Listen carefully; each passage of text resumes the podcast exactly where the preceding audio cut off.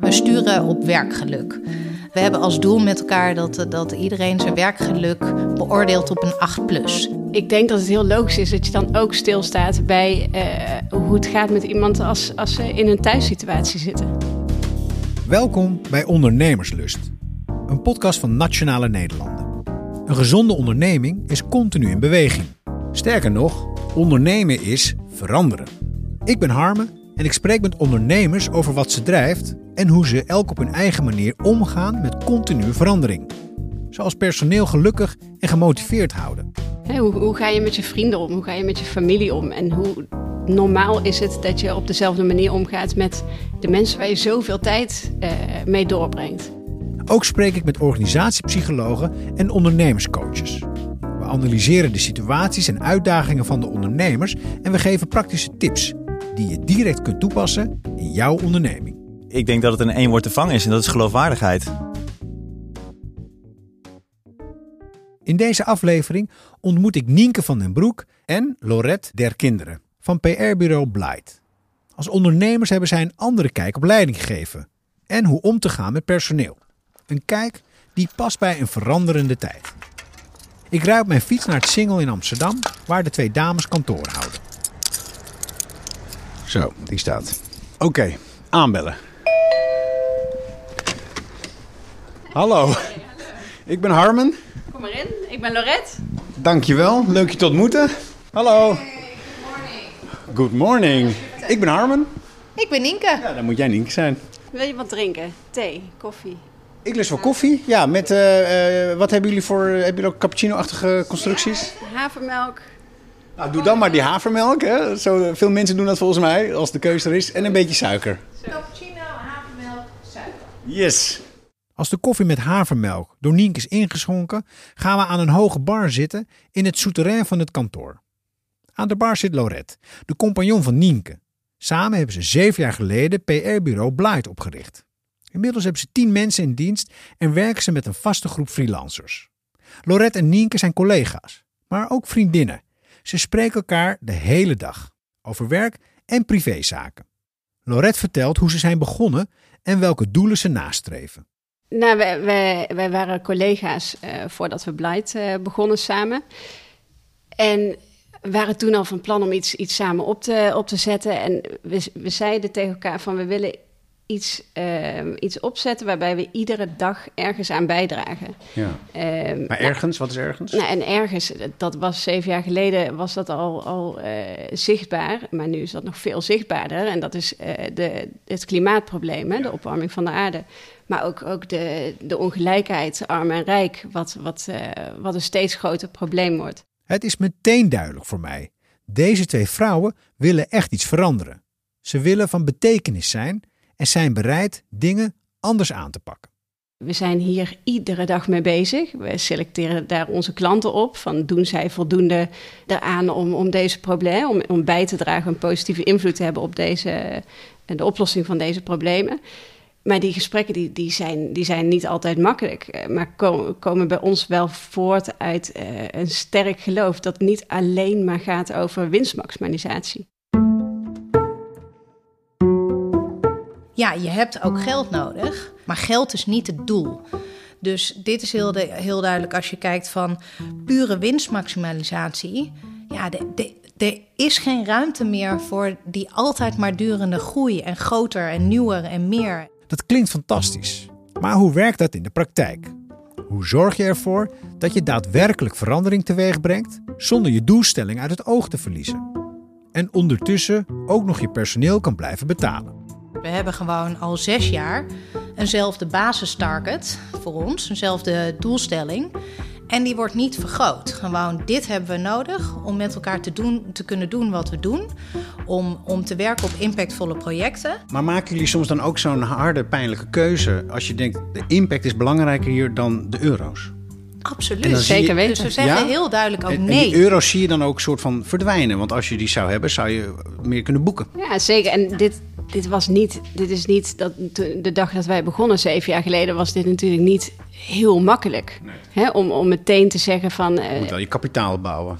Ja, we, ja, we moeten ook natuurlijk ehm, eh, daarin ook voldoende binnenkrijgen om inderdaad, wat je zegt, je personeel te kunnen betalen, eh, onkosten te betalen.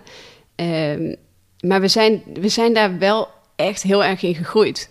Dus waar het zeven jaar geleden nog best wel af en toe schuurde met keuzes die we maakten. Ja, En geef eens een voorbeeld van waar het schuurt. Hoe dat, misschien tussen jullie ook? Hebben jullie ook onderling daar wel eens wat... wat... Het, of het er schuurt. eh, we zijn op een aantal vlakken zijn we, zijn we natuurlijk wel verschillend. Dus we, eh, maar wat Nienke zegt, van als je op, op eh, waarde, en daar komen we ook nog wel, denk ik, als, als je eh, meer wil, wil vragen over het, hoe we omgaan met onze mensen en met onze partners, ja, dan, dan zijn voor ons die, die waarden die wij eh, belangrijk vinden, die, die staan wel altijd ehm, vooraan. Lorette wil er al over beginnen. Over hun waarde en hun personeel. En laat dat nu net de kern zijn van deze aflevering. Hoe zorg je ervoor dat jouw waarden door jouw personeel worden overgenomen en uitgedragen? Ik spreek Walter Faai. Hij is corporate antropoloog en expert op het gebied van organisatiecultuur. Ja, maar we moeten het ook intern in onze eigen organisatie echt in het DNA zien te krijgen. Dat zijn dan de woorden die vaak vallen. Ehm, en ook echt ehm, in het gedrag van mensen dagdagelijks eh, in de keuzes eh, verankerd zien te krijgen. Die je met elkaar maakt, die je met elkaar eh, logisch vindt, die je met elkaar normaal vindt. Dus eigenlijk moet duurzaamheid in het, het nieuwe normaal worden, zou je kunnen zeggen. Als het je lukt om duurzaamheid in je DNA en in je cultuur eh, te vangen en, en te verankeren, dan worden de keuzes die je daarna eh, te maken hebt bijna automatisch ook geladen en ingevuld vanuit die kernwaarden. Maar hoe doen ze dat bij Blight? Hoe krijgen ze het personeel zover dat ze meedoen? Dat ze net zo gemotiveerd raken als de twee oprichters. Nienke legt uit hoe ze dat doen. We sturen op werkgeluk. Eh, dus we hebben, we hebben als doel met elkaar dat, dat iedereen zijn werkgeluk beoordeelt op een 8 plus. En dat is natuurlijk een, lastige, want je voelt je niet elke dag, net als je elke dag je eigen geluk ook niet. Je zit, kan niet alleen maar pieken, maar overal. Het is wel een belangrijke maatstaf voor ons met elkaar om het gesprek over aan te gaan. Van wat speelt er? En, en werk en privé lopen daar ook echt in door elkaar. Want uh, als jij ongelukkig bent thuis, dan is het heel moeilijk om volledig in je geluk te zitten op werk. En dat vinden ze bij Blight heel normaal. De mores is, we bekommeren ons om elkaar en om de wereld om ons heen. Deze manier van omgaan met elkaar is de filosofie van Blight. En hiermee hopen Lorette en Nienke dat ze hun eigen personeel motiveren om mee te doen. Je het verhaal van, um, van een aantal apen die, uh, die in een kooi zitten? Ga je gang. Nou, mooi. Uh, zitten een x aantal apen in een kooi. En iedere keer als er een banaan in wordt gegooid, de apen hebben honger. Iedere keer als er een banaan in wordt gegooid, worden ze nat gespoten. Uh, als ze die banaan proberen te pakken. Dus op een gegeven moment is de morus, de normaal, dat doen wij niet, die banaan pakken, want dan word je nat gespoten. Nou, dan worden die apen één voor één langzaamaan vervangen, komt er een nieuwe aap in. En die nieuwe aap, die weet natuurlijk nog niet dat die wordt nat gespoten als die banaan in de kooi wordt gegooid. Maar op een gegeven moment zijn al die apen vervangen. En nog steeds, als er een nieuwe banaan in wordt gegooid, pakken ze de banaan niet. Omdat dan de normaal is, banaan pakken, nat gespoten worden, wil je niet. Dus op het moment dat je in het DNA van de groep, in de ziel van de groep, hebt verankerd bepaald gedrag. In dit geval, pak de banaan niet, want dan word je nat gespoten. Uh, dan is denk ik de uitdaging om vooral, uh, doe duurzaamheid wel, anders gaat het niet goed. Um, dan is dat een nieuwe normaal. Dus een duurzame bedrijfscultuur is positief besmettelijk? Precies, precies. Dus dat is ook de gedachte dat je eigenlijk het nieuwe duurzame gedrag zo besmettelijk wil maken voor iedereen om in te stappen. Dus je moet het, je moet het misschien wel haast verleidelijk maken om, om, van dat onderdeel, om van dat verhaal onderdeel uit te willen maken. Daar wil ik instappen, daar wil ik bij horen. En niet alleen maar omdat de directeur of de meester of de juf dat zegt, maar omdat al je peers, al je collega's, je vrienden, uh, dus het hele informele netwerk um, jou beïnvloedt om daar ook in te stappen. Sterker nog, dat je een beetje gek bent als je dat niet doet. Dat is de uitdaging. Als je dat voor elkaar krijgt, dan ben je een heel eind. Duurzaam omgaan met de planeet en met je klanten dat wordt binnen Blight als vanzelfsprekend doorgegeven. Als iets positiefs besmettelijk. Zo bouw je een positieve cultuur op binnen je organisatie. Het is wel een proces dat altijd moet doorgaan. Cultuur is, is net een soort, is ook infrastructuur. Dus een brug moet je ook onderhouden. uh, en als je, uh, als je de Eiffeltoren helemaal geverfd hebt, dan kun je weer opnieuw beginnen, omdat je een aantal jaren verder bent. Dus cultuur moet je blijven onderhouden. Je bedrijfs- en je organisatiecultuur dus ook zeker weten. Dus ik, ik zeg dan, je moet genoeg kampvuurtjes blijven aansteken. Een soort van tijd out- outside of the normal.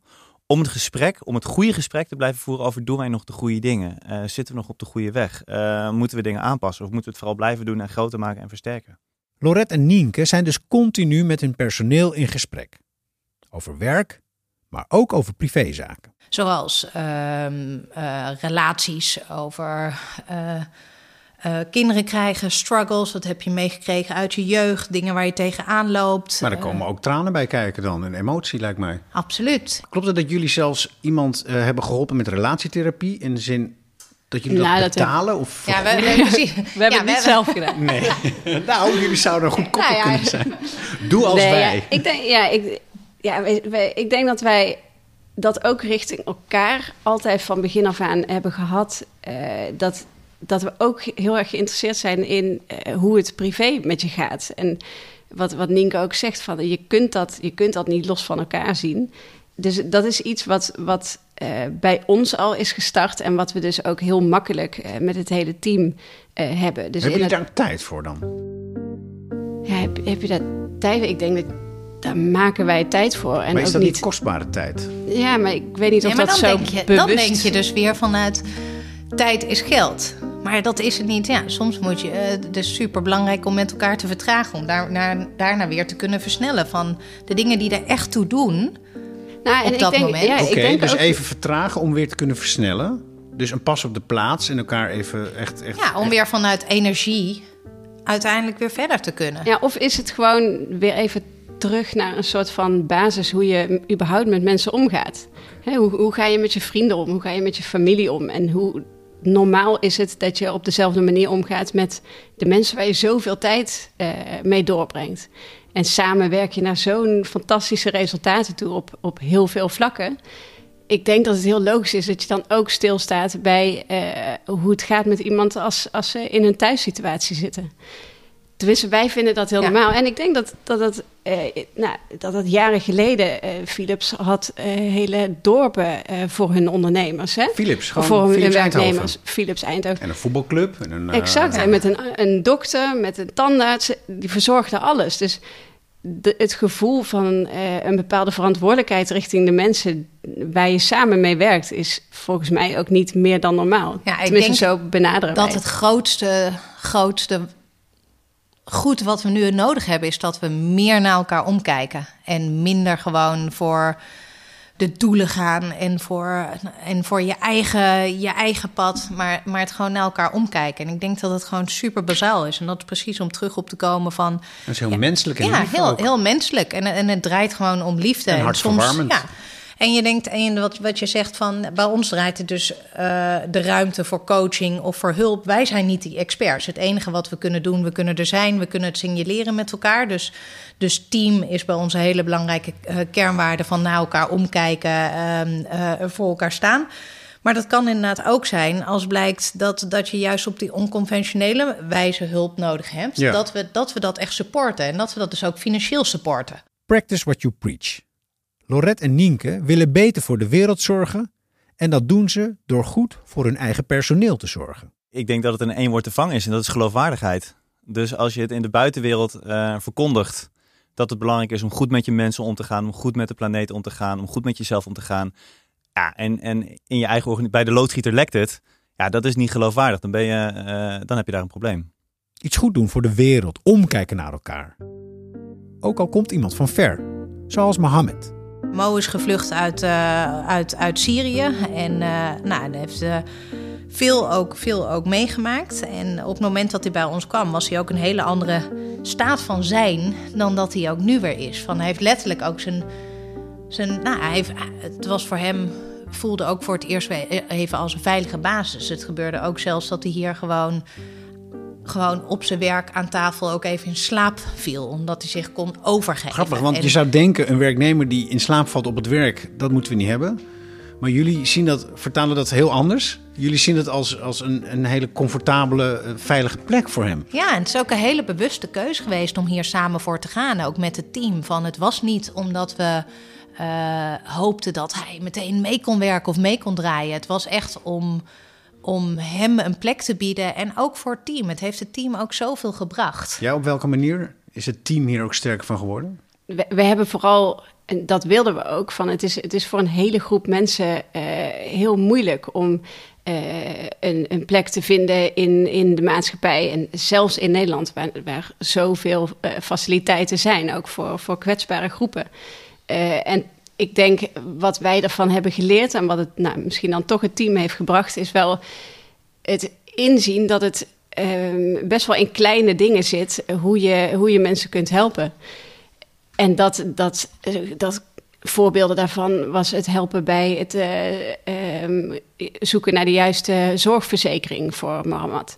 Of uh, even uh, de tennisbaan op om, om even met hem te gaan tennissen. Of gewoon een gesprek te voeren zodat ze Nederlands beter werd. Een mens is meer dan zijn functie. Een mens is een mens. En als jij niet lekker in je vel zit, for whatever reason, dan denk ik dat, het, dat je minder effectief bent in je werk. En een, een, een tribe, een organisatie, is zo sterk niet alleen als de individuele teamleden, maar ook zo sterk als de onderlinge relaties. Dus ik denk dat het als werkgever op zichzelf een heel goed idee is om te investeren ook in het persoonlijk welzijn van je medewerkers. Tegelijkertijd is het natuurlijk spannend, uh, um, omdat je ook uh, uh, je, je wil het persoonlijk leven van mensen ook niet te zeer indringen en beïnvloeden als dat niet gewenst is. Dus ik denk dat je daar wel ook wel enige, enige mate van, van voorzichtigheid en zorgvuldigheid in, in, moet bewaken en bewaren. Maar ik denk dat het in essentie een heel goed idee is, omdat een mens veel meer is dan alleen zijn functie. Dus ja, um, hoe fantastisch is het als je iemand in zijn persoonlijke omgeving kan ondersteunen en kan helpen om daarmee meer effect uh, en een leukere organisatie met elkaar uh, te hebben. Bij Blight doen ze heel veel om de wereld beter te maken het eigen personeel helpen als dat nodig is. Maar deze opstelling levert soms ook problemen op met hun klanten. Als zij niet meegaan met de filosofie van Blight, moet er soms afscheid genomen worden. Ja, zonder namen te noemen hebben wij gewerkt voor een uh, liqueur. En daar hebben we ook wel echt ons best gedaan van, van de, alcohol heeft natuurlijk een keerzijde. Dus dat was een struggle. Van, ja, wat, heeft dit nou echt een bijdrage uh, voor, hè, voor de wereld... dat we hier iedere dag uh, ons voor inzetten? Nou, daar was het antwoord uh, was daar op een gegeven moment heel duidelijk nee op. Dit is waar wij geloof in hebben. Dit is waar wij in staan. We, we, hebben, een, we hebben een relatie met elkaar. Maar om samen verder te kunnen gaan...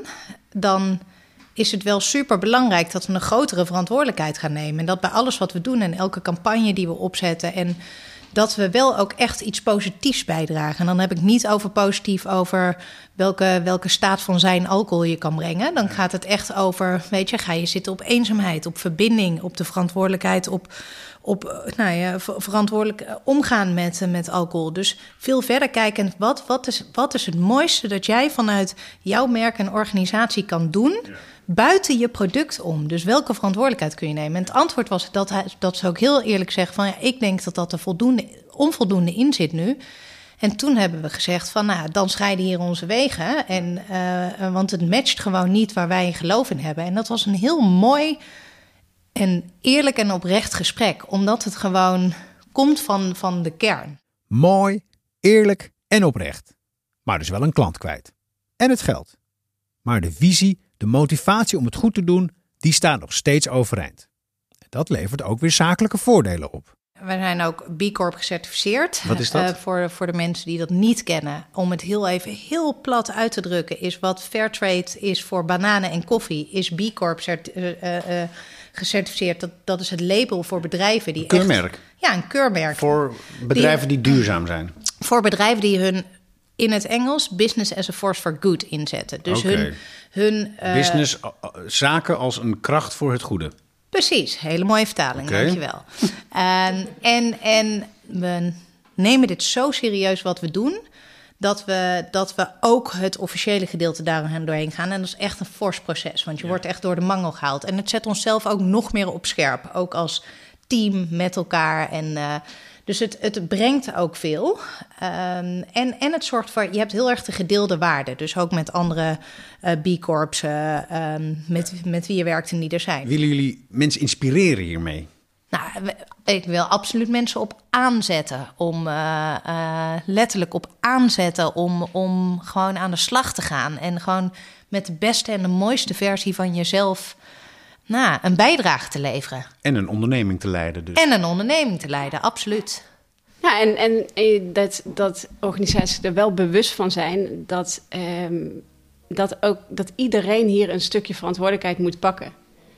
En dat je niet alleen maar dus kunt focussen op winstmaximalisatie en zelfs ten koste van mensen of de natuur of noem maar op. Jullie gaan voor geluksmaximalisatie. Een 8 plus. En Minimaal. 8 plus minimaal. Niets doen is geen optie. Dat is wel echt, dat is wel een mooie. We, we zitten steeds activistischer in de wedstrijd. Activistischer dan ooit. Je hoorde het verhaal van Nienke en Lorette van PR-bureau Blight. Wil je meer van dit soort verhalen horen en lezen? Of wil je weten hoe Nationale Nederlanden jou als ondernemer support biedt? Kijk dan op nn.nl/slash ondernemerslust.